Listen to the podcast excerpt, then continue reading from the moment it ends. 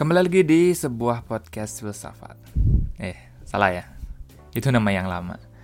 Tapi kadang aku mikir gitu, apakah apa ya, mengubah nama dari sebuah podcast filsafat jadi pikiran manusia itu uh, adalah keputusan yang salah gitu. Iya salah, gue gak suka sama namanya. Lebih suka sebuah podcast filsafat.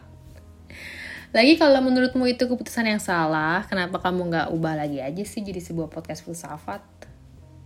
Ya nggak segampang itu dong, maksudnya malah takutnya bikin algoritmanya bingung nanti dan dampaknya jadi lebih buruk. Ya kalau aja gitu, kita bisa ke masa lalu, biar aku nggak jadi ganti gitu. Hmm, apa bisa ya gitu kan? Apa perlu kita pakai mesin waktu? Nah, itu itu bridgingnya ya sampai sana aja. Oke, sekarang kita ngobrol biasa aja. Ya, manusia. Oke, tapi um, tapi emangnya bisa ya? Nah, tentu obrolan kali ini bakal seputar time travel lah seperti tadi kan udah diperkenalkan di depan. Atau perjalanan waktu lah kayak gitu. Tapi emang gimana caranya? Nah, sebelum kita masuk ke caranya, metodenya, tentu kita perjelas dulu nih konsep dari time travel itu sendiri. Apa sih yang kita maksud ketika kita bilang time travel? Karena kalau yang kamu maksud time travel uh, adalah perjalanan ke masa depan, ya kita semua pada dasarnya bergerak ke masa depan. Iya ya, karena kita kan emang selalu bergerak ke masa depan, bukan ke masa belakang gitu kan. Cuma pergerakan kita ke masa depannya ya cuman kayak seperdetik gitu aja gitu. Semua hal bergerak mengikuti panah, waktu, atau arrow of time lah gitu. Jadi secara teknis kita emang time travel gitu, cuman ya lambat aja gitu, slow gitu kan. Tapi bukan itu yang kita maksud dengan time travel ya. Uh, yang kita pikirkan ketika ngomongin time travel adalah uh, berpindah ke masa depan ataupun ke masa lalu gitu, yang uh, lebih jauh terus secara instan gitu kayak di film-film. Nah itu. Oke, okay. fokus kita sekarang ngomongin perjalanan waktu ke masa depan dulu kali ya. Nah, secara teori tentu ini bisa. Dengan cara, yaitu semakin cepat kamu bergerak dalam ruang, misalnya kamu naik roket yang bisa bergerak dengan kecepatan cahaya atau 300.000 km per detik, maka kamu melihat dunia di luar sana bergerak lebih cepat dari biasanya. Tapi, orang-orang di luar akan melihatmu melambat. Ketika kamu sampai ke bumi lagi, balik lagi setelah naik roket yang ke, dengan kecepatan cahaya tersebut, kamu akan melihat bahwa ternyata mungkin mungkin kamu udah ngelewatin berpuluh-puluh tahun. Sedangkan kamu masih cuma mungkin beberapa minggu atau beberapa bulan, sedangkan mereka sudah berpuluh-puluh tahun. Kamu nggak tahu apa perbandingan aslinya, tapi kira-kira konsepnya kayak gitulah. Uh, kayaknya aku uh, kayaknya aku juga pernah dengar deh ada cara lain ya ini dengan berada di tempat dengan tekanan gravitasi yang kuat gitu. Misalnya nih kayak kita ada di dekat black hole. Waktu berjalan lebih lambat jika berada di tempat yang gravitasinya tuh kuat gitu. Sehingga ketika kamu kembali ke bumi misalnya nih, waktu tuh udah lewat uh, berpuluh-puluh tahun gitu. Kayaknya di film Interstellar pakai konsep kayak gini deh, ya nggak sih? Makanya bapaknya lebih tua dari anaknya gitu. Nah itu buat yang nonton Interstellar pasti ngerti ya. Mungkin kalian nonton dulu biar ngerti apa yang apa yang dia maksud. Nah itu juga salah satu metode time travel ke masa depan. Oh ada salah satu lagi yang bisa kita anggap sebagai metode time travel. Secara teknis sih ini time travel, tapi mungkin banyak dari kalian yang menganggap ini bukan time travel sesungguhnya. Yakni time travel dengan cara cryonics atau membekukan badan. Tapi nggak mati ya, hanya di fase di mana apa ya metabolismemu itu sangat lambat atau bahkan berhenti. Dan sesuatu saat di masa depan di mana kamu pengen apa ya muncul misalnya tanda petik gitu, ya kamu tinggal dihidupin lagi. Uh, gimana ya? Itu lebih mirip tidur lama aja nggak sih kayak hibernasi daripada time travel gitu. Tentu dari sudut pandangmu, uh, kamu tiba-tiba aja muncul gitu di masa depan, Widi di mana nih gue gitu kan? Ya kayak mirip news total gitulah. Kayak kamu tidur, eh tiba-tiba travel ke dua jam lagi gitu setelah operasi kelar gitu kan. Ya tapi mungkin bedanya badanmu nggak mengalami penuaan. Ya, tapi kan itu secara teknis time travel gitu kan. Dan yang uniknya adalah beberapa orang udah melakukan proses cryonics ini. Ada orang yang sudah dibukukan. Tapi kita belum punya teknologi untuk bikin orang hidup lagi setelah dibukuin itu belum ada. Jadi orang-orang yang dibukuin ini berharap di masa depan teknologi buat ngidupin atau membangkitkan mereka itu udah ada. Gitu. Oh iya, menarik ya. Tapi kayaknya teknologi cryonic itu mungkin lebih cocok uh, untuk ini kali ya, interstellar travel gitu. Kayak antar planet atau tata surya kan tuh jauh banget kan. Ratusan hingga ribuan tahun lah, ribuan tahun cahaya gitu. Daripada kita tua di jalan yuk kan, mendingan penumpangnya tuh dibukuin dulu gitu. Pas udah nyampe tujuan baru dia di unfreeze ini kayak film ini nih uh, The Passengers kalau nggak salah. Oh ya itu ya yang mana sih yang ada Chris Pratt sama iya itu dah The Passenger. Ya itulah. Siapa yang ceweknya? Jennifer Lawrence. Ya ya itu. Ya mungkin bisa ya Oke, supaya gak makin jauh obrolannya, kita fokus lagi ngomongin time travel.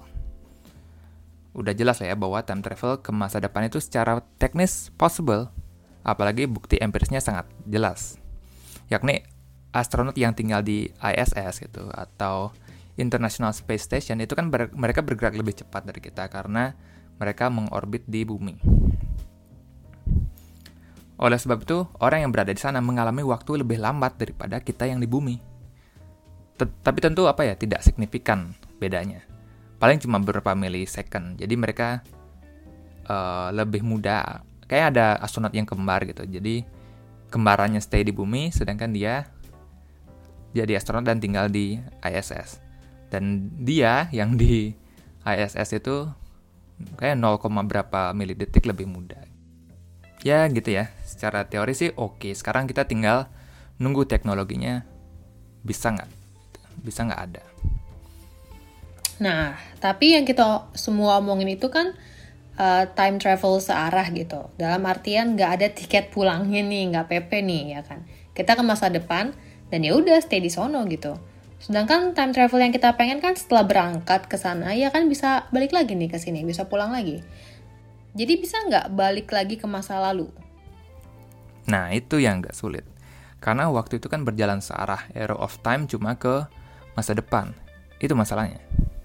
Tapi aku pernah dengar sih, kalau perjalanan waktu ke masa lalu itu possible mungkin, tapi cuma sebatas pada saat waktu, mesin waktu itu diciptakan. Jadi kita nggak bisa mundur lebih jauh lagi sebelum mesin waktu itu sendiri diciptakan. Oh, jadi nggak bisa dong mundur ngelihat dinosaurus gitu misalnya? Sayang sekali ya, kayaknya nggak bisa gitu. Tapi yang bikin pusing adalah ketika mesin waktu itu berhasil diciptakan, aku kayak ngebayang ngebayangin itu ngerinya adalah once kamu hidupin mesin waktunya, pasti langsung tiba-tiba rame ruangan itu.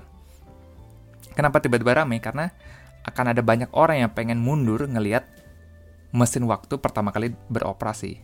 Jadi manusia entah dari masa depan yang mana semua gitu decide tiba-tiba oh kita kita mengunjungi kayak wisata gitu kunjungi di mana waktu terlama kita bisa balik gitu. Jadi kamu hidupin mesin waktu berhasil tiba-tiba jebreng gitu. Tiba-tiba ratusan ribuan orang tiba-tiba muncul. Oh ini ya ketika uh, hal bersejarah ketika mesin waktu dibuat gitu. Itu aku takutnya itu aja sih Ya, atau mungkin kan bisa aja dibikin peraturan di mana kita nggak boleh mengunjungi ujung waktu tersebut itu kali. Ya mungkin ya. Kayak apa ya adalah hal tabu atau terlarang untuk mengunjungi waktu di masa lalu dengan tempat dan waktu yang sama gitu biar nggak rame. Nah tapi gimana kalau kita beneran bisa ke masa lalu? Apakah apa ya dengan mulus kita bisa ke masa lalu atau ada permasalahan dengan datang ke masa lalu nah terdapat permasalahan yang terkenal uh, yang dikenal sebagai the grandfather paradox gitu, atau paradoks kakek. Gimana tuh? Nah, coba bayangin ada seorang anak itu, mungkin dia adalah cucunya Hitler misalnya. Walaupun sebenarnya dia nggak punya cucu ya. Tapi bayangin aja ada seorang anak yang ternyata dia tahu kalau kakek dari kakek-kakek-kakeknya adalah Hitler. Terus dia malu dan dia merasa apa dia benci, dia merasa menyesal gitu. Telah eh, dengan apa yang kakeknya telah perbuat. Dia tidak terima bahwa dia adalah cucu dari seorang pembunuh. Karena itu dia hendak kembali ke masa lalu dan membunuh Hitler sebelum dia sempat memulai Holocaust yang mana uh, anggap juga bahwa itu dia masih berarti masih muda banget bahkan sebelum dia sempat punya anak. Oke, jadi si cucunya ini obviously pakai mesin waktu kan berarti gitu. Karena Hitler kan sudah tiada, udah mati. Berarti dia balik ke masa lalu. Dan dia coba membunuh kakeknya sendiri. Nah, terus uh, gimana? Bukan masalah gimana kalau dia berhasil, tapi faktanya dia hidup dan dia ada dan merupakan cucunya Hitler adalah bukti kalau uh, kakeknya atau Hitler ya nggak mati sebelum punya anak gitu. Kalau emang emang apa ya emang dia berhasil ya dia nggak mungkin bisa lahir gitu. Nggak mungkin si cucunya ini ada di dunia ini. Hmm jadi nggak konsisten gitu ya. Nggak mungkin dia ada gitu. Kalau emang dia berhasil bunuh kakeknya waktu masih muda. Ya makanya ini adalah apa ya sebuah paradoks gitu. Oke kalau dia berhasil membunuh kakeknya bikin timeline gak konsisten, tapi gimana kalau ternyata ada dunia paralel gitu? Dan dengan membunuh kakeknya, dia membuat timeline dunia baru atau mungkin berpindah ke timeline dunia yang di mana kakeknya mati. Kalau kayak gitu berarti tetap konsisten dong kan? Ya, mungkin ya. Tapi tetap ada masalah jika kamu buat ini jadi kayak apa ya banyak timeline dan multiverse gitu. Anggaplah si cucu itu berhasil membunuh kakeknya dan ketika kembali ke masa sekarang dia mendapati bahwa Holocaust tidak pernah terjadi. Jadi ketika dia balik ya permasalahan lainnya adalah dia nggak punya keluarga. Orang kakeknya udah meninggal gitu. Dia apa ya? Dia sendirian gitu di sana. Dia sendirian di sana. Dan terus anggaplah dia fine-fine aja hidup tanpa keluarga. Tapi tetap aja fakta di timeline yang A dulunya Holocaust tetap terjadi dan dunia itu tetap berjalan seperti biasa. Yang ada hanyalah dia kabur aja dari dunia A, yang ada Hitler ke dunia B, dunia B yang nggak ada Hitler. Dia nggak ada mengubah apa pun. Yang dia lakukan cuma kabur aja, pindah timeline aja. Gitu. Masalahnya tetap ada. Oh, jadi meskipun itu solusi, tapi solusi itu hanya buat dirinya sendiri doang gitu perspektif pribadinya sendiri gitu. Sedangkan dunia yang mengalami kejamnya Hitler tuh ya tetap ada di paralel uh, timeline yang lainnya gitu. Ya itu apa ya? Salah satu jawaban untuk the grandfather paradox ini. Ada lagi uh, apa? Orang yang mencoba menjawab ini, yakni dengan mengatakan bahwa ada mekanisme dunia yang membuat tatanan waktu itu tetap konsisten. Mungkin gitu ya, ada ketika dia hendak menembak ada yang membuatnya gagal. Jadi pelurunya meleset mungkin atau sniper rifle-nya macet atau entah tiba-tiba di detik-detik terakhir dia sadar bahwa tindakannya akan mengacaukan timeline. Dan tiba-tiba dia mengurungkan niatnya jadi nggak nggak jadi. Jadi meskipun dia berhasil melakukan time travel ke masa lalu tidak ada yang bisa dirubah gitu semua tetap akan konsisten dengan sendiri gitu. Kayak ada gaya yang membuat semua berjalan sesuai dengan yang seharusnya gitu. Ya, itu sih. Itu aja sih kayaknya. Aku emang lagi suka apa bahas paradoks. Paradoks aja gitu. Apalagi ya? Ya biar ada apa ya? Biar ada sedikit hikmah dari paradoks time travel ini atau grandfather paradox ini ya kita uh, apa ya bisa simpulkan hal yang udah lewat ya, ya itu yang nggak bisa diubah. Kita memiliki penyesalan dalam hidup, kita pikir dengan pergi ke masa lalu kita bisa mengubah itu. Tapi setelah memahami The Grandfather Paradox ini, tetap tidak ada yang bisa dilakukan. Antara kamu cuma kabur ke timeline lain, yang sebenarnya root masalahnya masih ada, atau kamu sendiri akan menyadari bahwa kamu tidak bisa merubah apa pun. Semua memang seharusnya terjadi sedemikian rupa gitu. Ya berarti yang bisa kita lakukan ya sebenarnya kayak yang dibilang Nietzsche aja gitu, yakni amor fati atau the love of one's fate gitu, mencintai takdir sendiri. termasuk kesalahan dan penyesalan yang ada di dalamnya. Semua kita terima dan tidak berusaha kabur.